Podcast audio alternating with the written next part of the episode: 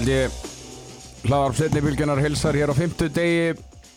Spennandi tímar framöndan í handbóltanum Við erum að fara að hita upp fyrir 15. umferðina í Ólísdeild Karla. Við ætlum aðeins að ræða Evrópudeildina og, og risa leik sem valsminn er að fara að spila gegn Benidorm og næstkomandi þriðudagskvöld Við ætlum að ringja tvö síptöl og hafa það skemmtilegt í dag með mér sem fyrir Yngvi Þór Sæmundsson. Yngvi, hvernig kallin á, á þessum lægðar tímum? Já, bara svona þokkanlegur. Mér heyrist ég á svona tíðenda snöðari nótt en þú, en þetta bara, þetta er ágætt hábaldi komin á fullt og, og það var gaman. Já, handbóltin er náttúrulega hérna, heldur betur komin á fullt og, og síðasta umferð var frábær og sérstaklega þessi leikur afturöldingar og fram, það var algjörlega geggjaður leikur og sveiflu kendur í meira lægi. Já, og bara, veist, það voru nánast allt spennuleikir.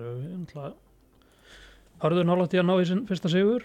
Já, en síðan hérna endur komið á Selfossi á móti haugum og, og nú heldur líslítið leikurinn í Garðabænum en, en bara flott umferð.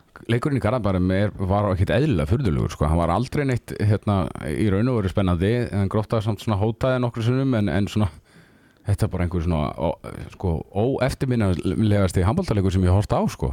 Ég get ímyndið mér að það verður auðvitað einhver að taka eitthvað eitthvað markvert út úr honum fyrir þáttinn sko. Já, þannig að eins og segir stjarnan alltaf svona fetinu framar en aldrei líklega til að stinga af en gróta samt aldrei líklega til þess að ná þeim en það var bara einhvern veginn svona hálfklient já, hörður eins og talaður um þeir voru sko nála til að gera eitthvað á móti K.A. en, en þessi úslit eins og við tölum um í síðasta þætti eh, þeir eru fallnir Já, já, það er eru tíu stig í, í K.A. núna Já, herði jafnvel þó dreigi leikinni að þá er þetta bara allt og mikið bil og þeir eru eiga nýju leiki eftir og þeir eru ekki enda búin að vinna leik og það er svo sem ekki sem pendið til þess að að fara neitt sé að fara neitt hérna sigur hann sko en, en það er möguleiki í næstu umferð að ná í, ná í hennan fyrsta sigur. Já, við förum yfir umferðan eftir. Það, þetta er geðveik umferð. Þetta er algjörlega frábær umferð og hver einasti leikur er opinn. En við ætlum að byrja þáttinn að taka símtal við ætlum að, ringja í finskan landslismann sem er skemmtilegt. Er ekki hvernig deginn sem að gera það reynilega, bara í, í þessu lífi. Og við ætlum að heyra í Þorstinni Gauta leikmanni fram. Halló? Já Gauti, Já, sælir. heill og sæll velkomin í hlaðvarp setnibilgjunar hvernig ertu á hérna hvað þessum uh, óveðurs tíma Ég er bara þokkalauð, sko. Já, heyrðu, þú varst hérna kom svolítið óvart, þú varst valinn þarna í, í finska landsliðið á, á, á síðast ári, hvernig hérna, kannski byrjar á því að segja okkur, hvernig svona atvikaðist þetta? Um, já, ég ætla að nú með þetta döðaldar ríkisvang, hann að já, þennan svona option inni og svo eru nú bara komið, já, komið bara skilur máleiðis út að, að ég væri mögulega heiti fyrir þessu bara og, og já, svo kjölfæri voru bara svona samskipt á milli og hérna ákveða að fara út. Hérna, sjá hérna það er ekkert kannski margir sem eh, þekkja finskan handbólta hér á Íslandi og, svona gæðin þar, meina, hvernig, hversu gott er þetta lið? um, þeir eru bara þokkilega að segja sko en ég er svona sjálfur fylgist ekki róðað með all, allt því að handbósta en að svona ég fór líka sjálfur blind í það en við alltaf já, veist, gekk þokkilega á þessu balti hvað móti en, en náttúrulega er alveg tölvört á milli frá hérna finsklandsliðin og þessum stærri og betri sko. Já, sko, þú hérna, ég meina, þú ert valinn síðan aftur í þetta marsverkefni hjá hérna finska landsliðinu, ég meina, er þetta ekki bara opáslega spennandi að- vera í, í landsliði?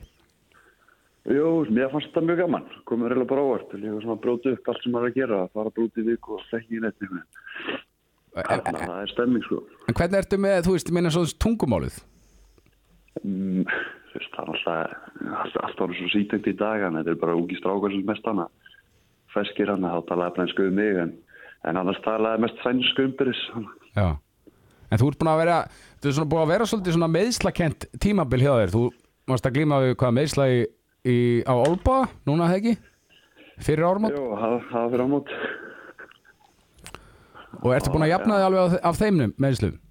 Já, það er orðið gott og svona mjög svekkend út að svona, já, spila tvo leiki og setja leiknum á leiðin bara það drullu vel og, og þá, eh, tókst mér að tjónum með vaklanum þannig að það er já, það fer, fer þetta í lag Já, og ég meina e, e, e, hva- hvað er svona langt í þig, cirka bát? Þetta er alltaf gerist, já, þetta er bara svona einhver tóknum, þetta er fjór til sex ykkur tala, en þetta er, núna ég er komin í fimm, eða þeirra þetta í fimm ykkur, þannig að þetta er bara, já, þetta er orðið þokkarlega gott, sko, kannski smá þetta er, ég mér ljós bara í rauninu. Óbáslega svona, fer rosalega vel af stað og afsakið. Á tímabilinu og ert að spila bara, og þið framar að spila algjörlega frábærlega, var svona skellur að að lenda í, hvað, svona svolítið ítrekuðu meðslum núna á þessu tímabili? Já, það er svolítið bara einn veisli, en það er, jú, alltaf leiðast að veisla með það, líka við erum alltaf svona sístu sísón að fá alltaf svona eitt komum að segja, skrifa aftur á baki hverju sísón, þannig að það er þreytt, sko. Já. En hvað svona, hvað fannst þér hvað fannst þér breytast hjá framliðinu svona miða við allan að hvernig þið byrjið, tím, byrjið tímabilið? Þið eru algjörlega frábærir hafi kannski ekki verið að sapna stigum í raun og veru eftir að þú dettur út úr liðinu. En mér hvað fannst þér svona breytast á milli tímabila hjá ykkur? Missi náttúrulega Willem Poulsen til að mynda náttúrulega besti leikmarin í deildina á síðasta tímabili. Já, um, þetta er náttúrulega bara einhver fylgismöldu liðum deildunum. Þetta er óa mikið liður að vinna meinumarki að tapa meinumarki og, og stundum verður að vinna meinumarki og þá náttúrulega er þetta óa mikið stemming, sko. Þetta er bara stutt á milli. Svona er þetta kannski skýra nákvæmlega hvað veldur í. Maður fattar ekki sjálf þessum. Hvernig sér þið framhaldið hjá, ykkur frömmurum þeir eru náttúrulega með alveg geggjaðan sigur í síðustu umferð uh, ég meina, eru þið með uh, svona einhver markmiðum að verða lenda ofarinn á, á síðasta tímabili eða, eitthvað slíkt þeir eru náttúrulega umtalsvært ofar í deildinni núna til að mynda heldur en uh, hvernig þetta enda hjá okkur síðast Já, náttúrulega klálega. Ég held að allir deildum verið alltaf bæta á einhvern árun undan, sko. En, en það er bara, já, er mjög öll að móta vera sem horfa á döfluna hvernig einasta leik þá yfir getur þú sé liðið fór upp um eittu sæti eða eittu sæti niður og tapar þannig að það er bara eitt leikur einu glísam. Já Fannst þeir eitthvað svona, breytast eitthvað svona í, í kringum framliði bara við að fara í þetta nýja hús bara og komast í nýtt umhverfi og, og, og, og þetta lítur óbúslega vel út hjá okkur alltaf að naufrá í Úlfarsadalum Já, já, ég samlaði. Það er bara lítið með rúðana og svo tókum við líka bara góða einhvern fyrir sísón en að mættum bara mjög ferskir inn í þetta. En sigur hún á móti afturöldingu geggjaður, ég meina þú ho- horfir á hann upp í stúku, var það, var það erfitt? það var smá fleiri ykkur hana. En jú, það er, er ekkert gaman sko en, en gaman að vinna samt. Já. Einar Jónsson, þjálfarinn ykkar, tók alveg alvöru leikli, ég veit ekki hvort þú sér búin að horfa á það, en hérna, ertu, eru þið vannir að fá svona alvöru hálfbrósara frá Einari? Nei, sem betur hefur það ekki gæst oft alltaf þessu svona sko. Þannig að, en, jú, ég, ég held að allir þjálfarinn í dildinni eitt alltaf í, í bakendinni sko, þegar ég har pakað slæð. Já. Herrið, Gauti, hérna, gaman að heyri þér og, og gangið vel hérna að koma tilbaka eftir þessi meðsli og gangið vel með finnska landsliðinu. Já, takk. Heyrumst. Takk, bæ.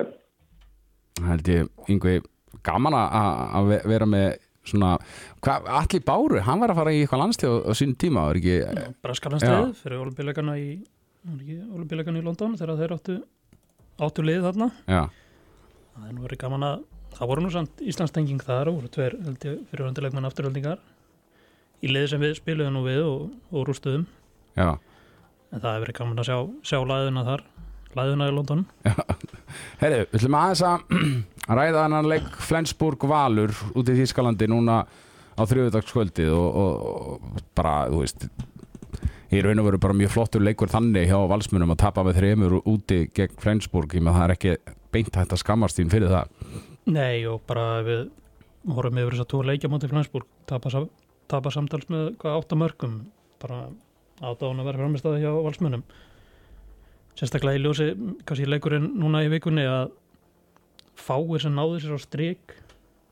En samt er þetta jafn leikur eða allan tíman sko Já, þetta, er, sko, þetta var eiginlega mjög förðulegt sko. ég, og ég, ég sé náttúrulega tölfræði í þessum leik sem maður sér í raun og veru aldrei. Það eru 13 handbóltamenn sem skora fyrir val í þessum handbóltaleik og, og markaðist er leikmaður liðsins úr opnum leika Tjörvi Týr Gíslason með fjögur mörg og fimm skoðum Já og eins og segja svona Stífen er 3 og 6 Árundag 3 og 6 Arnúr 2 og 5 Magnús Óli 2 og 6 Agnars Móri 2 og 6 en samt hangaður alltaf inn í þessu leik sem er bara að sína hversu óbúslega stert þetta lið er. Já, gerði náttúrulega, mér fannst þeir sko, við töluðum um það í okkar svona umfjöllun á stöðtur sport að, að í fyrri hálfleik fannst okkur vanta svona bara eitthvað, eitthvað power sem kom alveg sannarlega í upphafi síðari hálfleiksins. Já, já, þá náðu þeir að keira og náðu þeir að keira aðeins og hérna fá svona auðvöldmörk og komist yfir, þeir voru yfir þeir voru 20 minnir eftir, Já, en síðan bara, veist, Flensburg átti miklu auðvöldara með að skora fengur svona ódýrmörk með uppstökum fyrir utan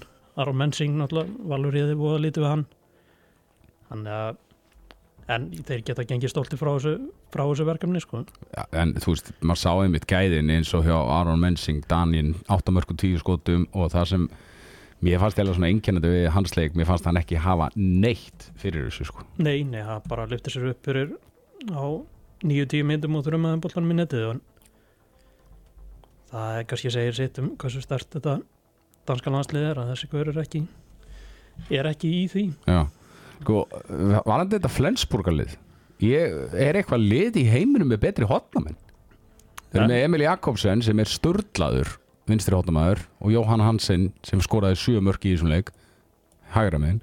Og síðan var einhver Ágúst Petersen hátna í, í vinstri hátinu, Emil spilaði nú eða lítið í þessum leik. Já, með 5 mörg og 5 skotum þannig að Nei, það Pettersen var frábær í þessum leik sko, en, en, en mitt Emil Jakobsen er sennilega allra besti vinstri hotnamaðurinn í heiminum sko. Já, hann er svona erum við ekki með okkar mann þar, Bjarka og, og Hampusvanni þetta er ágættis skandinavíska renning já. Og Það er náttúrulega, þetta snýst eiginlega sko, þessi riðla keppni og, og, og riðill valsmanna er bara undir núna þriðudaginn Það er Klart. Benid Orm heima klálega og minna, sigur þar kemur vali alveg óbúslega góða stöðu. Konum með innbyrði konum náttúrulega með 7 stig eða vinna. Konum með innbyrðis á Benidorm konum með innbyrðis á Ferens Varos. Þegar það eru tværum fyrir eftir og bara svona í, í líkil stöðu Já, þannig að bara það er langt síðan að það hafi verið svona stór Evrópuleikur í íslensku liði. Já ég meina hérna, þeir náttúrulega vinna fyrir leikin úti og það sem ég mann nú mest eftir þeim leik er að, að, að Benid Orm sko var spilaði 7 og 6 í einhverja 50 mínútur. Ég heldur að fengi 9-10 mörg beint í aukt markið sko. Já, Það er eitthvað fyrðulegast á, ákvörðun þegar þjálfar að fara ekki úr þessu sem ég bara séð á æfuminni sko. sérstaklega það sem þeir gekk eða betur þegar þeir voru í bara í 6 og 6 sko.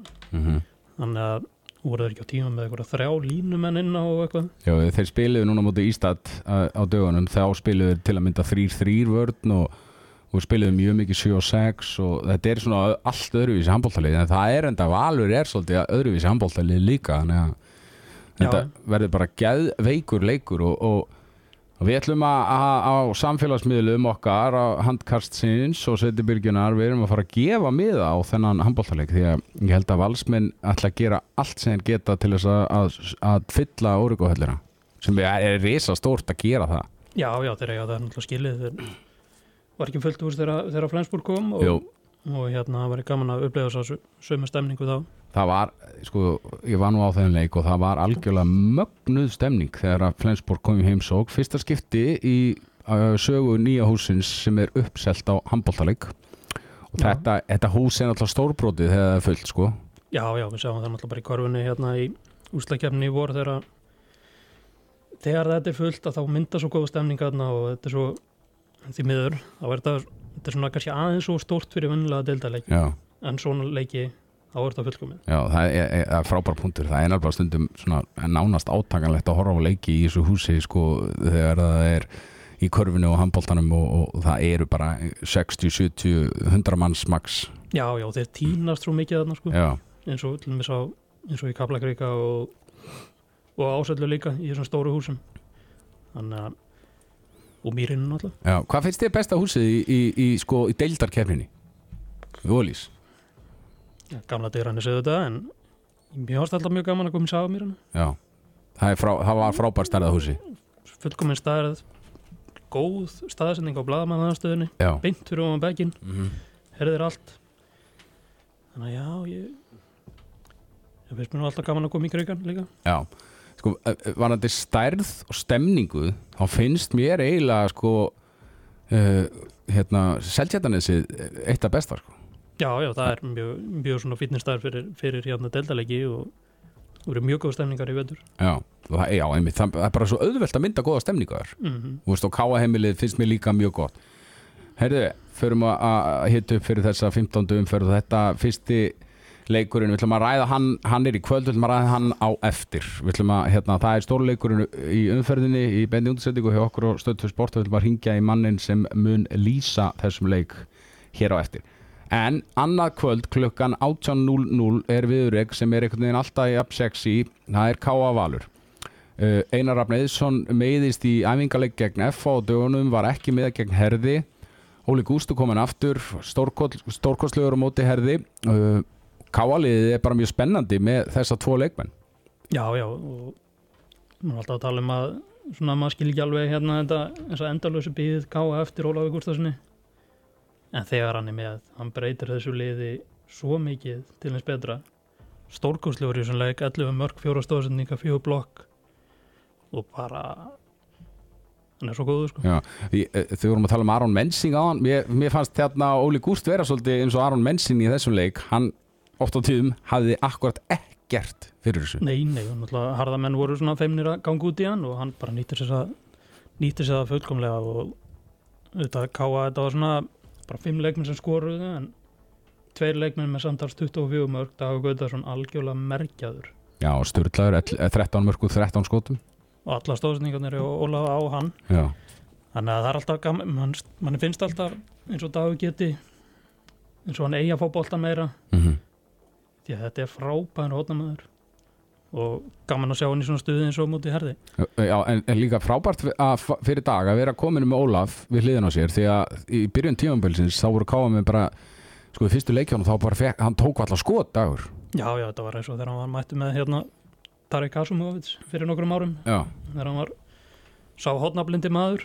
Hann fekk aldrei boltan en, en Dagur Gautarsson er frábær leikmaður og svona aðeins staðna þegar hann fór í stjórnuna en það er vonandi að þetta sé svona á upplið hjá honum því að þetta er leikmaður sem getur farið í aðdurum sko. Já, sko, varandi valsliðið það er náttúrulega Tryggvi Garðar Jónsson sem náttúrulega, ég myndi segja hann núna í februar hefur Snorri sennilega ætlað sér að nota hann mjög mikið. Hann meiðist aðeins á móti Flensburg úti. Magnús Óli er ekki heill Robert Aron Horstedt er, er mjög, bara mjög mittur og er ekkert að fara að spila fyrir í fyrsta lagi í úrslutakefninni ef hann spilar meira á tímambilinu uh, þetta er mér að svona fyrirfram myndi maður halda að valsmenn myndi bara rúli yfir þá. Já, já, en það er tímasetningin. Það er stutt í hennan Benedikt Ornuleik þeir eru nýkomnir að utan. Eru svolítið svona veikir fyrir hérna vinstramegin fyrir utan? Þannig að það er spurning hvort að mér mæða mikið á Aroni Degi og, og Benedikt. Og síðan er spurning hvort þeir munu nota Arnur eitthvað á miðunni eins og þeir gerðu hérna gerðu aðeins fyrir áramót. Já.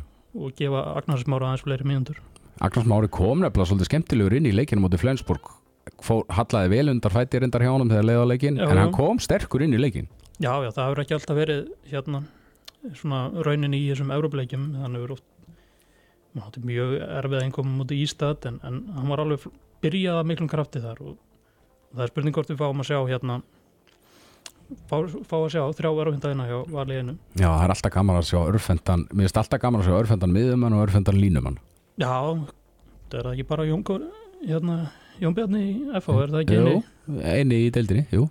Hann er, þetta sjálfkjátt dýr, þetta dýrategund í útrýminga þetta Já, en sko, herru, talandu um það Mér fannst ekkit eðla skrítið að Kevin Möller Markverð Flensborg, örfendan markmann. Það fannst mér skrítið, sjá örfendan markmann. Það er nú samt algengara, er ekki varkas ekki örfundur líka og Ég manna það ekki. Við, fann, við, bara, við töluðum um það, við vorum að horfa leikin í grænaherbygginu, okkur fannst þetta bara mjög skrítið að sjá örfendan markmann Já, Það er ekki algengt allavega. Nei, nei, nei, nei, því að ef þú getur eitthvað að þú ert örfundur þá ertu, þá ertu settu fyrir hodnið. Sko, uh, þetta er einu leikurinn á föstudagskvöldi. Valsmenn spila bara á föstudögum núna Þannig að föstudagur eru bara orðið að handbólta kvöldi sem er bara geggjað. Uh, uh, Eitt leikur á lögadinum Og það er Suðurlandslagurinn IBF Selfoss Eyjamenn hafa ekkert spilað handbóltaleik núna Sko í síðan í deildinni það, það er orðið bara hvað þriði DS eða eitthvað, það er bara orðið ógeðslega langt síðan þeir spiluðu í deildinni en þeir spiluðu í byggarnum 19. desember Á móti val, töpuðu þar. Já uh, Risa fréttir úr herbúðum IBF Erlingur Richardson er að hætta með liðið eftir tímabilið Já, það er Já, það er hérna, þetta er stórt og alltaf búin að vera þarna nokkuð lengi síðan að hérna síðan þeir runnu þrennuna 2018 búin að vinna eitt, hérna, eitt stóran titil og hann vil örglega kafið það með hvað er með fleirum en það er svona, það er spurning hvert eitthvað við. Ég menn hann svona oftast oftast ráðið eitthvað svona, eitthvað úr félaginu eitthvað heimamann þannig að þannig að það er spurning hver, hver tekur við hvort að hvort þið sjá Martin Pétursson koma enninu svona aftur. Það er náttúrulega fyrsta nafni sem hann er dettur í hug. Já, þannig að já, Ég held að þetta verði svolítið eh, til að mynda ef Arna Pétursson uh, hefur ekki tíma eða ekki áhuga að taka þetta þá verður þetta svolítið flóki verkefni fyrir að finna þjálfara. Já, það er spurning hvort þið leiti þá upp á, upp á fastalandið er hérna, Ég byðla bara til ykkar vestmanneika að láta sérfræðingar seinnibilgjum í friði. Ég er ekki að nenna að missa fjóra. Nei, það er hérna en það er veist, með sér nafni eins og Anton Rúnarsson er það eitthvað sem geti Já, það er hérna, síðan alltaf líka að losna það fyrir norðan. Mm -hmm. Jónatan er að hætta líka. Þannig að það eru allavega tvö, tvö nokkuð stór störfar að losna og þannig að það verður áverð að sjá hvað gerist. Sko Erlingur er líka náttúrulega bara frábær þjálfari. Með það, þú veist, að- taka og fylla hans skarð verður mjög flókið. Já, ég bara gert góða hluti með IBF og sér náttúrulega gerði hann háka á Íslandsmeisturum, sjá hvað gerði með hollenska landslið Minna, það er alveg ástæð, það er ekki ástæðulegs að maður fekk starf hjá Húsið Berlin Nei. þannig að þráttur er þráttur er svona umræðanum hann hafi kannski snúist svolítið um annað en handbólta þá, þá er þetta maður sem kann til verka snúist gegn mér til að mynda Herðu, en hérna Kristinn Guðmunds, geti hann komið áttur? hann alltaf reynslu að vera, vera í eigum og já, það klálega nafn sem við munum að skoða. Já, en þessi leikur, mér selfinsingarnir sko, e, sko eigamenn er alltaf búin að fá sig til dað aftur. Komnum við nýjan markmann sem að, maður veit ekkert um. Uh, eigamenn, selfinsingarnir segi ég með frábæran sigur á mótu haukum í sínustum fyrir, algjörlega geggjaða sigur. Uh, þetta verður og er eiginlega alltaf frábærar viðrögnir, þessar viðrögnir Já, já, Selfissingar búin að vera þrjú sigrar í síðustu fjórum og bara mjög flott hvernig þeir komið tilbaka á móti haugum Minna, heldur haugum í hvað einu marki á síðustu 12 mínúndunum Viljus algjörlega frábær. Guðmundur Holmar góður. Guðjón Baldur, hann kemur með 8-9 Jú. í- úr hæra að Ísak Gustafsson kom mjög sterkur í setni áleikin og svona framan að tímabili var það svolítið mikið Einar Sverrisson. Skoraði átti tíu mörki leik. Já, nú, hann var bara valla með í þessum. Nei, nei, og þeir geta alveg unnið þegar hann er kaldur eins og Mhm. í þessum leik sem er svona styrkleikamerki Eru selfinsingarnir betri en við svona vorum kannski að gera ráð fyrir fyrir tímabili? Já, þetta er líka þetta er, það er hörkur reynsla í þessu liði þú ert með Vilja, þú ert með Guðmund Tólmal þú ert með Ragnar, Ragnar hann alltaf komin aftur þú ert með Allævar þú ert með Einar Sverris Mm -hmm.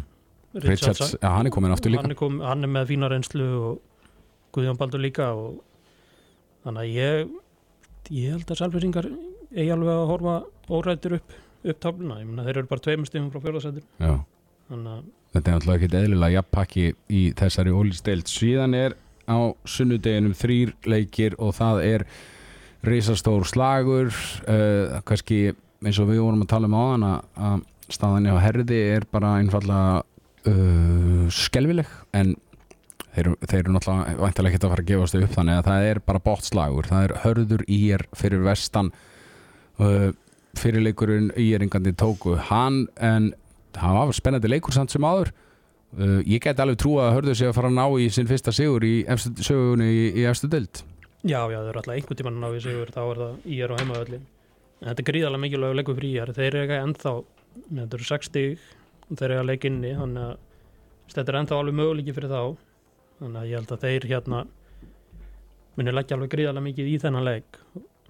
Þannig að spennandi að sjá. Já, eh, þú hörður, að káa hörður og hérna, þar kemur upp uh, nýri leikmaður á herði Leo Renaud David.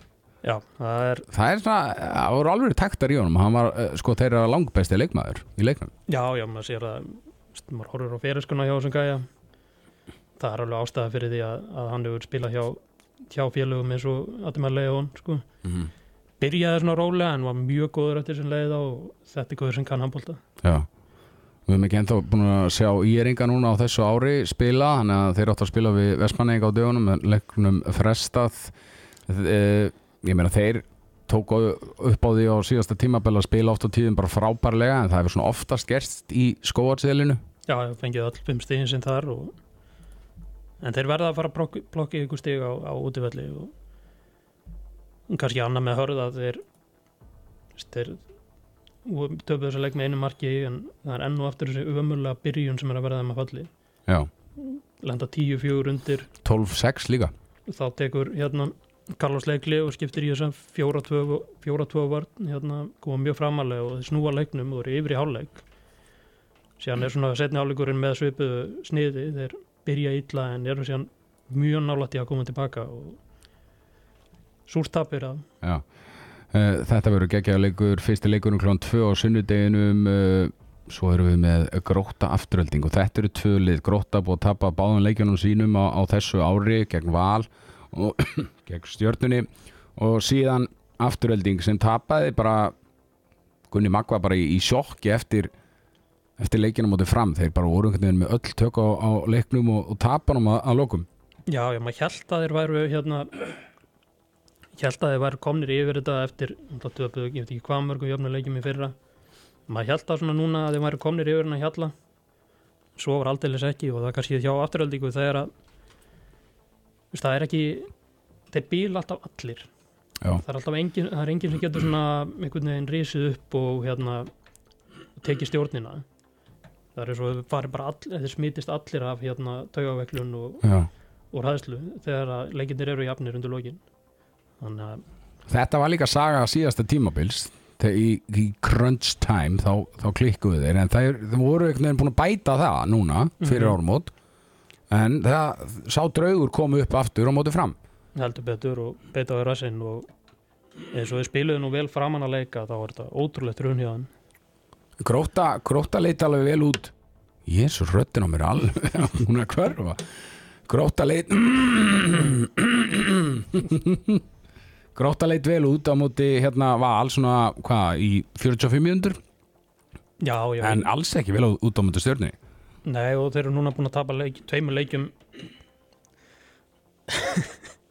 tveimur leikjum svona nokkuð stórt þó það er náttúrulega fjórum marka tapa á mútið val gefur enga við rétt að mynda þeim leik. Nei, en kannski ekki gróta það er sóknarleikurinn sem er að stríða þeim og vítanýtingin í síðustu tveimur leikjum. Já, hvað er þetta? Þetta er, erum búin að klúðra sex á síðustu nýju það er náttúrulega fáránlegt það er og náttúrulega eitt frægasta víti bara vetrarins. Já, það frægast það það er bara og ekki á góðu.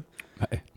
en þetta er bara skrítið því að ég meina Andrið Þóra Helgarsson er mjög örugvítarskipta alla jafna og, en þetta er dýrt því að gróta heldur sér alltaf inn í leikjum bara með opaslega sterkri vörn og einabaldin er búin að hafa gott tímabil Síðan erum við með uh, klukkan uh, 20.15 á sunnudagskvöldið. Horfið á þennan leik, svo ferðið bara beint í Super Bowl útsendingu okkar á stöttu sport. Það er fram FH, framararnir með geggja en endur komu sigur núna í síðustu umferð í Mosulsbænum FH-engar uh, þeir áttu ekki séns í valsmenn. Bara voru valda tölvurum vombriðum í þeim leik. Þeir, þeir vilja vantala svara þessu vel. Já já, þetta var fyrsta tapi hjá, hjá FH í, í bara frá því að þau töpum til val í, í lok september. Þannig að kannski það voru framistaðan úrslitin vonbriði framistaðan vonbriði þeir reyndu að einhverju svona veikum mætti að hlaupa með, með valsmunum það var veðmál sem gekk ekki upp. Nei, ég meina, þú átti eiginlega ekki að hlaupa með valsmönnum. Við sáum það í úrslita einvíðinu núna síðistlið vor, Valur Íbjöfaf, að eigamenn ætliðu eitthvað að reyna það í fyrsta leik mm og það bara var katastrófa, 22-9 í hálfleik. -hmm. Uh, eftir það náðu eigamenn að róa leikin, leikina niður mjög og stóðu heldur betur í þeim, unnu eitt leik, voru tveimum með með einu markið, ekki? Þannig að, það verður allavega, FO þarf aðeins að hérna rísa aftur á afturlöpinnar en, en aðeins með fram að þetta var eftir erfið gengið var það frábær sigur í músaspennum og að klára leikin er klára leikin með þrjú börnin á. Já, Kjartan, Reyni og, og Stefán í hóðinu og Reyni þó Stefánsson þetta er það er langt síðan maður hefur séð svona svona efnilega leikmann. Finnst hann bara, hann er bara stórkostlegur. Þetta er bara, þetta er ekki besti ungi leikmaður sem framhefur átt síðan að Robert Aron var. Jú, sennilega jú. Og Kjartan er líka mjög góður. En, en, en reynir er bara hann er svo hugrakur líka hann er alltaf tilbúin að fara í þessi sko erfiðu skot og erfiðu að- aðgerðir. Rennur ekki í honum blóðið virðist þeirra Nei, og þetta er svona þetta er svona þrítugur haus skrúar og herðar á, á átjónar og dreng sko. Spila líka vörð þannig að bara framtíðin er alveg óbúslega björst í honum. Mér veist framtíðin, framtíðin ógslega björt hjá honum líka út að ég sé að hann á helling inni sko þegar kemur á físík. Já, já, hann, hann á eftir að styrkja sig helling og þroskast hann er þetta svolítil hérna, svolítil bíburhensari en, en hérna já, þetta var bara mjög flóttu sigur ég fram og eftir þetta þetta allræmda leiklið hjá Einar Jónssoni þar sem hann talaði tungum að, að það kveikti heldur betur í, í liðinu. Þetta var geðveikt leikli, mér finnst það sturla leikli því að sko hann talaði hann var- var Európa blótsirði og, og, og tók til að mynda reyni alveg sko bara nánast og, og hérna reyfa á hann nýtt raskat sko. Já, já, og hérna let hérna Luka Vukinsevits líka heyra það og hann hérna, þetta er mikill tungumálamaður einar, Já. síndi það þarna svínvirkaði. Síðan er leikurinn í kvöld, það er risaleikur lið sem hafa bæði í raun og veru valdi vonbröðum á tímabilinu en ég menna stjarnan skömmin í skárari heldur en haukadir og þetta er að, þessi leikur er á ásvöllum og við ætlum að, við ætlum að ringi mannin sem er að lýsa þessum leik í kvöld. Halló, Hvað segir kongurinn? Það er feskur. Ekki, það er sérfræðingurinn á línunni, maðurinn sem ætlar að lýsa leik hauka og stjörnunar í, kvöld og alvöru dúo sem stöttur sport er að fara að bjóða upp á í kvöld. Hver er með þér að lýsa? Það er, Afi Gaupi. Afi og, og barnabarnið að lýsa saman með þetta er ríkalega fallegt. Herðu, þetta er aðteglisveru leikur í kvöld, haukar stjarnan og, og ég var að segja það rétt á hann, þetta er svona bæði lið sem að kannski valdi smá vombriðum, haukarnir töluvert meira reyndar en stjarnan og, og, og, en svona, þú veist, þetta er, er frábært fyrir bæði lið að- vinna þennan leik. Já, klálega og hérna bara ef við byrjum á, á stjörnunni og hérna bara góður og samfærandi sigur á móti grótti í síðasta leik og svona aðtilsvært viðtalið við patta bæði fyrir og eftir leik og hérna það hefur verið svona ágæti sjokk ef stjarnan hafi tapað leikum móti gróttu með að viðtalið á patta sem hann var bara að tala um nýjan tíma og, og bara allt var rétt breytt og við erum búin að æfa vel og allt það, þetta. En, en hérna það verður ágætis próf fyrir stjörnuna að fara núna ásvelli bara móti liði sem er með ekki með neitt sjálfströst og hefur bara gjörsanlega verið út á, út á þekju allt þetta tíðanbíl þannig að veist, það er ennþá meira sjokk að ná ekki að tengja saman tvo sigur á, á móti gróttu og haugum fyrir stjórnuna en með sama skapi haugarnir þeir bara verða vinnanleik Mér finnst þetta er góð punktum með viðtalið við Patta, sérstaklega fyrirleik. Ég man ekki til þess að ég hafi heyrt viðtalið við þjálfara sem segir orðurétt sko, við ætlum að byrja í 6-0, svo ætlum við að fara í, í 5-1 eftir einhverja 10 mínútur og var einhvern veginn að gefa upp bara, bara leikplanið bara í viðtalið fyrirleik. Já, bara byrjunalið förðulegt með fullu verðingu. Já, Aðalsteinn Örn byrjar. Að- Já, og svo bara allt inn eftir 15 mínútur og bara hrannar konu á miðjuna og bara ný útilína og það, er, það var einhver, hérna, hvort að Patti að tekja einhverja gleðipillu fyrir hann að leika, þetta var svona mjög aðteglisvert og hvort að þetta sé eitthvað sem koma skal, það verður bara að koma svolítið í ljós líka í kvöld. Já, hann talar um það að liðið sé bara búið að vera í meðal mennsku tím, allt tímabilið og, og hann tekur það sjálfur á sko sig að hann sé bara búin að vera í meðal mennsku. Ég meina, erum við ekki bara alveg sammála á því?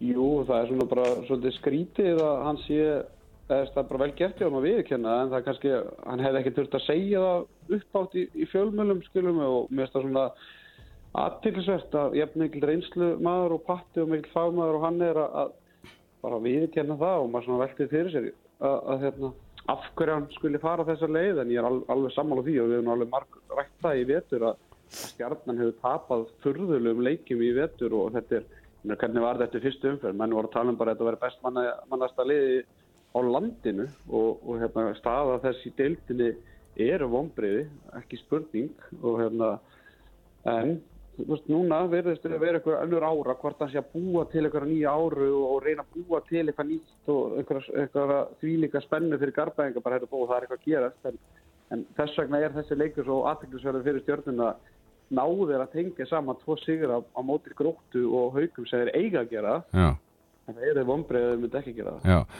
Uh, aftur á móti haukarnir. Uh, skrítin leikur á móti selfisingum með fín tök á leiknum í, í hálfleik og, og svo bara reynur allt einhvern veginn í, í setna hálfleik og, og við höfum oft talað um það í vetur. Það er bara eitthvað andlegt að plaga haugana virðist vera. Og Guðmundur Bræði var svo sem ekki með. Spurning hvort að hann verði með á móti stjörnunni Já, mér skilst að hann verði ekki með í kvöld. Það er svona, það var svona sama tilfinning sem ég fekk í setna á leik, á leik Hauk og Selfoss og ég fekk í leik fram og aftur líka þegar ég sá að Birkir Ben klikka eitthvað dauð að færi þarna er eitthvað 6 mínútur eftir og hugsaði bara, ok, aftur er einhver aldrei að fara að ná stíur þessu leik. Það var svona sama, ítla gekk, Stefán Rapp var að klikka dauða færi, var að klikka víti og hugsaði bara, svona, heyrðu, þarna þeir eru að, að missa hausinn, þú sjálfstöðst að fara að kikka inn og, og þannig að algjörlega sammála voru gessalega frábæri í, í, rúmlega 40 mínútur en, en veist, það eru þessar síðustu tíu myndu kortari sem skipta hvað mestu máli og ef þú ert ekki með hausinn í lægi á síðustu kortari í handballtæðik þá getur náttúrulega bara allt farið til fjandast og við erum nú bara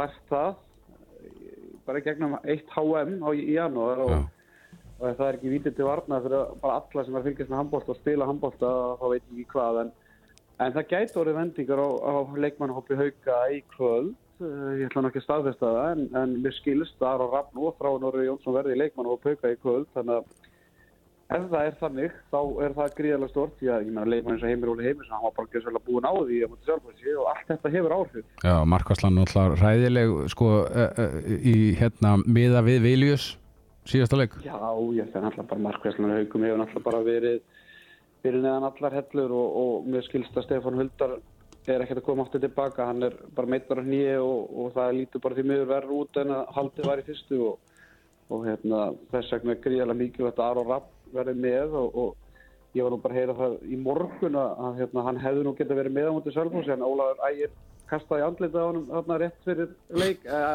nokkrum töfum fyrir fyrsta leikin þannig að hann fyrst að kvíla þann leik þannig að ég vona að Ólaður Ægir það ekki kastaði andlitið á hann En já, það er bara, reysastórt fyrir haugana að fá uh, eins frábæran markmann inn í hópin. Þú sem þjálfæri, Arnar, uh, svona andleg, svona, þegar að lið eru kannski andlega langt niðri, er erfitt að snúa þessu við?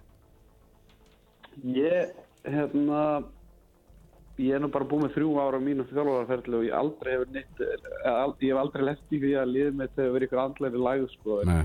En ég get að trúa því að, að það sé erfitt en ég er kannski ekki endilega rétti maður til að svara því þess að ég hef ekki reynslu á því en, en ég get að límynda mig, þú veist, mér varst alveg erfitt þegar við vorum kannski búin að tapa einu með tveimuleikjum en, en það sem haugkættir er glímaði núna, það er miklu, miklu starra og, og hérna, ég held að það sé farað líka bara að hafa áhrif á, á þá sem er að stjórna bakvið, hérna, bakvið luft að dyra að, ég menna, þú veist, ég skúpaði því í síðasta þætti, ég veit ekkert hvort það sé rétt að Guðmundur Hólmars og Leina Hauka, mér finnst það ekkert ólíklegt, Nei. en maður er svona fann að heyra það innan herbúða Hauka að það, þeir verði að gera eitthvað á leikmannumarkaðinu sumar og, og þetta er frábær sæn fyrir þá, ég menna þeir veit ekkert hvort að Guðmundur Bræði verða áfram, þeir veit ekkert hvort að Andri Már Rúnarsson verða áfram, þannig að þeir verða að sagja þessu leikmenn og, og Guðmundur Hólmar Helgarsson væri frábært púsl í það. En En varðandi, þú veist, þessa lægð, þetta er líka ekkert tægilegt fyrir Ásker og Knarkinn sem að vera í sinu fyrstu þjálfuragíki bara óundir búinn, þarf bara retta uppfjöldisfélaginu sinu á, núleitni og svo bara lendir það því að, liðið er bara, já, bara í mólum, sko. Já, og maður bara sá þetta einhvern veginn gerast og liðið hafi enda ofalega í deildinni á síðast tímumili, þá það var alltaf eitthvað að- ángra okkur til að mynda í setjumbilgjum við haukaliðið, þetta var einhvern veginn ekki samfærandi. Nei, nei, menn þetta var bara mest ósæðanstæðandi lið í, í hérna deildinni svona setni hlutan a- allavega og maður sá bara, veist, menn voru bara býðast að fara í sumafrí og hafði enga trú á hérna, þessu úslutikefni en, en að sama skapi, maður var vonast að Rúnar geti einhverju breytt, hann gæti lítið breytt og, og hérna, núna er Ásker í mjög krefendi stöðu að reyna að gera eitthvað, þú veist, það er ekki pressa á honum, skilum við, það er bara haugarnir og það er eiginlega bara basically nóg að haugarnir fara í úslutikefni og láta ekki slátra sér áttur úslut og það er bara sigur, sko. En ég meina, þú veist, við erum að segja þetta við eitt sigursæðasta lið, eða bara ekki eitt, bara sigursæðasta lið aldarinnar. Þetta er líku viðsnúningu sem við bara orðið á liðinu á, innan við, hvað á maður að segja, kringum ár. Og þú segir, þeir eru bara, hvað er, markartölu frá því að vera deltavistarar í, í fyrra eða eitthvað þannig, sko. já, það var þannig. Já, þannig að þetta er miklar og bara skríti ferðala sem að all liðið, hópurinn og félagi er í um þessa myndir. Hvernig spáru, hvernig heldur þetta að, að þessi leiku fari? Ég, ég er svo lélur að spámaður. Sko, ég, það kemur ekkert orð á haugarnir og þetta verður jafn leikur lengi vel. En þegar á móti blæðis, þá svona, ef, ef ekki allt klikkar hjá haugurum, ef, að- ef þeir ekki fá markvöldu og allt þetta, þá veit ég hvernig þeir að komast í gegnum hjallan og sama skapi ef stjarnan næra halda í svona jafnum leiki 45 mínútur, þá held ég að haugarnir, nei, stjarnan vinna þann leik. Þannig að ég held að eina eina sem getur hjálpa haugunum er bara að stjarnan mæti með hausunum byrja raskatinn á sér og haugarnir fá smá markvæslu og, og verðið með eitthvað forskot bara allan leikin. Heldur betur Arnaldaði Arnarsson Takk hérlega fyrir að taka síman Það voru gaman að hlusta á því í kvöld Segjum það. Sjáumst Abba, og Já, Hauka Stjarnaningu, hvernig sér þú þennan leik? Þetta er sko eh, lang aðtiklisverasti leikurinn í raun og veru í, í umferðinni. Já, já, gríðarlega pressa á haugum eftir, eftir þessa skitu á mútið Salfótsi og stór tíðindi ef hérna satt reynist hjá sérfæðingnum að, að Aron Rafn og þráin sé að koma aftur. Já, Ég held að þráin ver- verði alltaf í, í leikmannhólum Hann var alveg líklegur að vera í síðasta leik sko. Já, þá vantar svo sárlega einhvern til þess að leta undir með heimivóla það er hérna hann var orðið svolítið bensinlausand undir lokin og Tjörfi kom náttúrulega líka aftur í, í mútið Mhm. Salfótsi svo sem einhver drauma endur komu en, en gott að hafa hann þegar sérstaklega þegar Guðmundur Bræði er ekki með. Já, Tjörfi líka bara, þú veist, þetta er- er fyrsti leikur hans tilbaka og ég meina, endurkoman var bara léleg en hann er náttúrulega handbólta heili, eitt mesti handbólta heilin í deildinu og hann náttúrulega tekur smá tíma fyrir hann að komast inn í þetta aftur en ég held að það er risa stórt fyrir haukana að fá hann aftur Já, já, þá voru þið konu með alveg fjórallir að rúla þarna hægra megin og miðunni sem er sem er, var ekki fyrir, fyrir áramót og, og síðan náttúrulega það er þessi blessaða markværslega bara í BVF og hörðu með, með verið hlutvarsmarkværslu í, í Ég meina, og við hefum talað um það allt tímabili hvað þetta sé algjörlega ræðilegt hjá IBVF mm en ég meina, að minna þremmu prósentum. Já þeir hafa svona aðeins læðst þeir hafa kannski aðeins læðst með veggjum varandi markvörsluna þú veist því að hún er bara hún er engan veginn bóðleg Matarsov, ég sá fyrsta leikinu mútið Káa mjög slagur leikur en, en þar var Matars góður. Það var 13 skot í þeim leik. Síðan hefur hann alltaf varið sko, sko. Nei, Stefán Ölda frá og Magnús kannski ekki alveg tilbúin í þetta að nei, nei það- Ma Magnús öðna, átti náttúrulega frábæri innkomi í úrslutakefnina á síðast tímbili uh, síðan hann var stundum svona kapla og kapla en ég er samt alveg sammálaður, hann er kannski ekki alveg tilbúin í þetta. Þannig að Aron Rapp bara getur ekki komið nógu snemma. Nei, verða að byggja þetta Guður sem að hann og ekki vera að kasta í hausinu á hann Guð minn góður, við þurfum en markmann í deildina, einn af okkar bestu. Herðu, verður geggjuð umferð 15. umferðin, setni bylgjan er síðan á mánudagskvöldi það er engin handbóltalegur á mánudagskvöldinu við fyrir bara beint í bylgjunan 21.10 Sefræðingur inn og Logi Gersson Logi Gersson búin að vera aðeins búin að kvíla hann aðeins núna, fyrstu vikuna eftir, eftir sko, svakalega HM og nóg að gera hjá hann í janúar. Já, já, hann er, hann er búin að fá smá kvíld en kemur sterkur tilbaka á mánudaginn.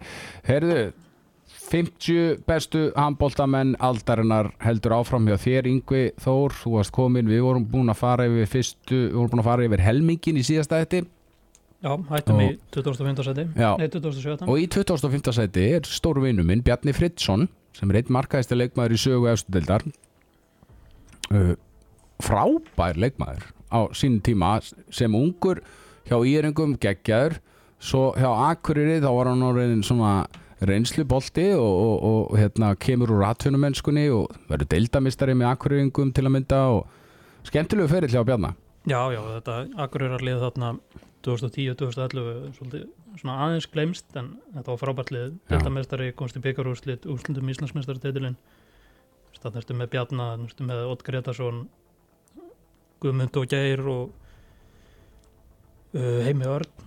Það var óbúslega stærslið og Bjarni þetta bara jafnvígur á hotn og, og skittu og óbúslega klókulegmaður og skemmtilegur. Eitt leikmaður í 2003. sætinu sem er að spila í deildinni í dag, Einar Rafn Eðsson spila með Fram, FH og KA núna í dag. Aldrei orðið Íslandsmyndstari leitar sko mjög mikið að þeim titli því að hann er búin að vera frábær leikmaður alveg síðan hann er í Fram frá 2009 kannski ekki miklu hlutverki þá en, en hann er búin að vera flottur leikmaður í, í meira en sko áratug í deildinni Já, já, kannski svona ekkert ósvipaði ferill og hjá Bjarni þetta er leikmaður sem byrjar sem hótnamaður er síðan færið fyrir utan skora mikið en á enda þá eftir að vinna þennan vinna þennan stóra og kannski svo sem fátt sér bendi til þess að það gerist á næsta árum en kom með yfir 1400 mörg í efstu deild og er bara eitt markaðasti leikmaður hennar þannig að flottu verill Já, leikmann fyrir neðan hann í 20. öðru seti, það er Markus Máni Mikaelsson sem var sko, fer í, í antunum mönsku er hjá Val náttúrulega svona lungana ferlinum Íslandsmyndstari einu sinni hættir bara frekar snemma í handbólta þannig lagað. Mm -hmm. uh, en var einhvern veginn hafði allt til alls til þess að verða geggjaður handbóltamáru og jafnvel aðtunumæður á, á háu leveli. Já, já, hann var komin inn í landslið, hann spilaði með íslenska landsliðinu í, hérna, á HM 2007 í Þískalandi og það var náttúrulega besta, besta árið hans á ferlinum, það er náttúrulega líka leiði val til fyrsta Íslandsmeistartitilins frá 1998 og valin bestur og markaðasti leikmaði vals og frábær í leiknum þar sem þeir kláruðu titilinu mútið haugum Já, átjöndarsætið Valdimar Fannar Þórsson. Já, það er hérna heitir hann ekki Valdimar Fannar Þórsson? Jú. Já, ok. Eh, eh, Hérna Herri, það var leikmaður sem spilaði með fimm liðum. Já. Fra, bara algjörlega geggjaður um miðumæður og algjör marka vel maður fekk nú að sjá það spilaði þetta svona bestu ári með Háka og ég náttúrulega sá hann mjög oft spila og þetta var gríðarlegu sóknamaður en kannski svona eins og segja, hann vann bara eitt byggamestara til þannig að hann kannski eflust vilja að vinna meira en, en frábær ferill og bara staðna á þessu tímabili þegar hann var upp á sitt besta á svona 2004 til 2010 þá var engin sóknamaður í deildin honum fremri. Nei, sko í 17. sætinu það er leikmaður sem ég var með ég ætla bara að uppljósta því, ég var með hann fyrir eitthvað róðvalega Já, já, ég skilaði topp 10 lista til þín. Já, já. ég var með þennan leikmann á topp 10 ég man ekki alveg hvað ég var með hann en það er Heimir Örn Árnason. Og það er svo sem ekkit óðarlegt við það Gaurin átti mjög flottan langan og farsalan feril og með fimm liðum og það var einhvern veginn þú varst með svona sæmilegt lið og heimi örn upp á þitt besta þá kannstu verið vissum að enda í efru hlutunum. Mm -hmm. og hann er valinn bestur með hann að spila, með, að spila fyrir þrjú lið. Já, og það er bara, það var einhvern veginn með ótrúlega svona aðlugunarhafni og, og kannski svona upp á sitt besta. Svona var hann úrsklega verðmæntasti leikmann í deildinni. Já, það sem gerir hann að mínum að svona frábæran leikmann, hann er bara sko, fyrir að fyrsta, það er nú bara fáir handbóltamennir sem eru jafn fljótir að skjóta boltanum á markið, að fara í skothreyfingu og sleppa boltanum heldur en Heimir Örn Árnason. Uh, hann er bara svona ótrúlega svona klínískur leikmaður bara í, fer í gegnumbrot eða þvinga sig í gegn og skorar. Svo er hann frábær eða var, frábær varnamaður Já, já, og þú veist náttúrulega þráttur að vera ekki mjög hávaksin þá náttúrulega stóð hann óbærslega vel í vörninni og hérna svona náði náði einhvern veginn að lengja ferilinn með því að hérna með því að vera bara tröstu varnamaður og náttúrulega kannski byggði hann endaði ferilinn með með káa núna. Síð, að fyrsta tímabilið er eftir, eftir samanning, nei hérna aðskilnaðin við. Þór. Þannig að ekki dóðilegt við að vera með hann ofalega. Svo varst með skellur að missa nú dómgæslunni Já, hann var mjög góðu dómari. Fyrir dómari, hvort hann var ekki valin einhvern tímann bestur ásand Já, hvort hann var ekki einu sinni valin bestur dómarinn en að núna er hann bara í bæðapólitíkinni Já, hann reyndar í smá skvaldrið þar. Smá basli. Herðu, uh, í 15. sætinu er leikmaður sem þetta er svona uh, ég veit ekki, þetta er svona leikmaður sem hefur valdi bara vombriðum fyrir mitt leiti en Já. frábæri leikmaður ég held te að Theodor Sigurbjörnsson væri bara alltaf að fara í búndislíkuna sinn tíma, ég held að hann er alltaf landsliðsmaður. Hann er alltaf, ég, ég er ekki að taka á hann hann er frábær leikmaður. Já, og alveg skilja að vera í 15. setinu sko. en ég held að hann er bara alveg einn af þeim betri í hæri hóttunni hjá okkur og Íslendingum. Og hafði allt til þess. Bara alla, alla eiginleika, alla hæfileika. Það var eitthvað sem aðtaði hvort sem það var, ég veit ekki meiri svona meiri elja eða búin að vera óöppinu með meðsli Já, já, sér hann bara dreigir rosalega á hann síðustu ár. Að hann hérna ég er bara frá því að IBF vann þrennuna hefur hann spilað mjög lítið og, og svona núna er hann bara svona að koma aftur inn á völlin sem er náttúrulega mjög ánægilegt en kannski ferillin svona smá hef, það voru svona, það voru fórsendur til þess að fara lengra. Bara ekki nokkur einasta spurning. Herru, Andri Stefán í 14. sætinu er ekki kannski allir sem muni eftir en hann skoraði fyrir áttan baka á myndi Barcelona úti í Barcelona. Já, jafnaði leikin á síðustu sekundum Íslandsmistari 2003, 4, 5, 8 og 9 uh, byggamistari einu sinni 2002 deildamistari 5 sinnum. Þetta er alvöru sko titla söpnun Andri Stefán. Uh, var frábær miðumæður upp alla yngri flokkana líka og var bara úgeðslega góður í handbólta já bara að afreika allt þetta og er hann hættur um 25 ára aldur sko. Já, það er, það er magnað eiga allar þess að titla. Við vorum að tala um Einar Rafn Eðsson á hann sem á en þá eftir að vera Íslandsmistari svo er Einmitt. Stefán með 5 og náttúrulega var maður líka í þessu Európmestraliði við 18 ára með, Bjögga og Áskeri og Arnúri og Kára. Þannig að hann, veist, hann var orðin aðalegstum til besta liðs besta liðsins á Íslandi 19 ára gammal Já, bara það var svona það var óvænt svona maður var ekki búin að gleyma honum en hann var svona, hann var svona aðeins búið að fenni yfir hann já, en hann er veist, 14. sæti það er bara þú horfir á titlana og það sem hann gerði þá var það full innistæða fyrir því já Í 12. sætinu Anton Rúnarsson sem er enn að spila en núna úti í Þýskalandi í hvað er þriðju dildinni, minni mig Já, hann er tvisar Íslandsmistari þrisa byggamistari svona, eitt af því sem kom er kannski svona eh, á óvart hversu ofalega hann er. Já en en hérna, já tvisvar Íslandsmeistari og besti leikmaðurinn í báðum liðunum. Það er hérna og stimplaði þessu út með alveg þýling glansja val hérna. Fyrir tveimur árum þá skoraði þetta ótrúlega mark, miði marka múti IBF sem á endanum hérna, skilda milli og bara sér hann í úrslitunum múti, múti haugum 19 mörg og bara flottu ferill. Náttúrulega svo sem fór svona hægt að stað var náttúrulega í valsliðinu þegar þeir voru ekki góðir lánaður eitthvað en, en, en flottur náður sér síðan vel á strik og ég meina það er ekki margir sem hafa verið bestir í tveimum mestaraliðum heldur betur ekki. Herru, förum aðeins í uh, heldum áfram að fjallum top 50 listan í næsta þetti ætlum að fara núna í þetta hérna.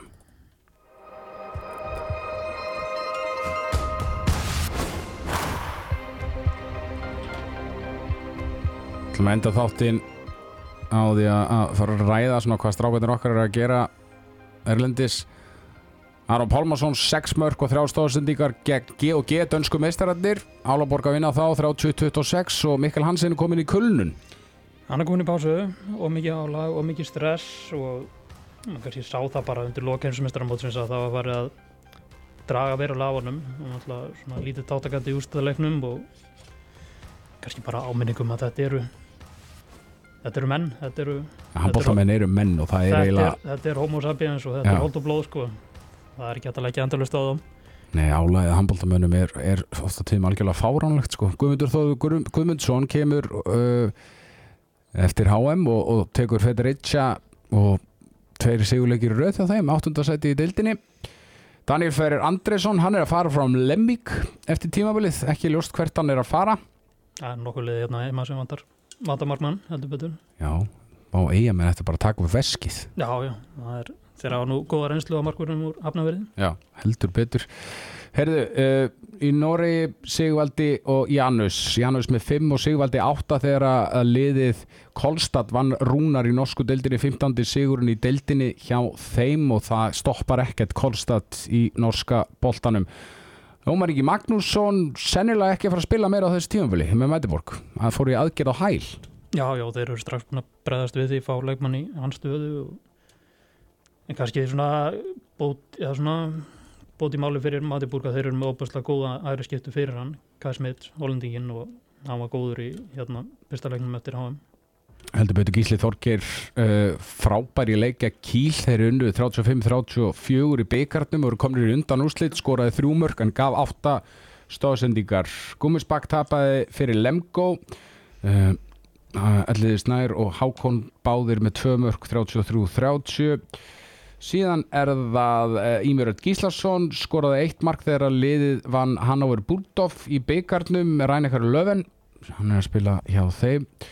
Þorkell Máni Pétursson er hérna að banka á dyrnar og er að reka aðeins að eftir okkur. Við erum að, drífa þetta af. Herri Bjarki Már Elísson tapaði fyrir G&G í meistaradildinni Vestbrem tapaði óvænt 37-36 á heimavelli. Það gerist ekki oft yngu að, Vestbrem tapi á heimavelli. Nei, og samt tíðindi að Vesprem að þeir eru að fá netin Remili frá silvuliði frá silvuliðin á HM Já, hann hérna kemur frá Kílsið þannig að kannski svona byrjun á því sem skal að, að leikmenn sé að fleikja staðan. Heldur betur.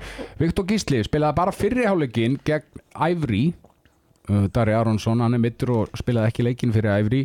Þeir eru komnir í undanúrslit og Viktor Gísli varði 8 skot í fyrriháleik 40% spilar alltaf vel fyrir nánt Já, já, og þar er hann kannski bara með vörð sem mentor honum betur þar sem hann hérna svona spilarinn á þar sem hann nýtur sín betur heldur en kannski með landsliðinu.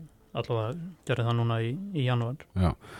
Uh, í Fraklandi Donni Kristján Kristjánsson skoraði 6 þegar að Pák vann ným í áttalega úrslutum í byggardum hann mittist síðan gegn Ferenc Varos í Evrópudildinni, var búin að skora eitt mark í þeim leik uh, Óðinn Þór Ríkarsson hjá Katadan Schaffhausen og Anstæðin Egilson sem er undir að fara hætta með lið, þeir töpuðu fyrir Montpellier í Evrópudildinni 40-36, Óðinn skoraði 8 mörg og skoraði mark umferðarinnar í Evrópudildinni, geða eitt mark. Með þessu aftur og bak skoti sínu sem maður er bara einhvern veginn hættur að blikka á augum yfir sko. Já, þetta er svo fára ég, sko, ég er þetta, hann gerir þetta aldrei á HM ég, ég held að hann hef aldrei gert þetta á HM út af hann vissi sennilega að Guðmundur Þóri. Guðmundsson myndi rífa af honum hausinn. hann En þetta. en þetta er bara einn örugasta leðin fyrir hann að skora. Þetta er ekki bara, þetta er ekki bara stælar og sjó sko.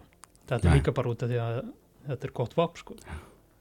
það er og flott, verðskulda flottasta marki í umfyrinni í Európa-deildinni Já, skorar alltaf svo flott mörg þessi drengur. Og bara 8 og 10 mjög góður á HM Herðu, við erum fallir á tíma yngvi, við ætlum að, leipa mána að. Erpur Eyvindursson er að mæta hérna viðtal til hans þannig að það verður eitthvað fjör á þeim bænum, takk fyrir daginn í dag yngvi og ekki missa við hauka á stjórnunar í kvöld Gaupi og Arnar Daði að lýsa þeim leik. Þánga til næst, verið sæl. Sæl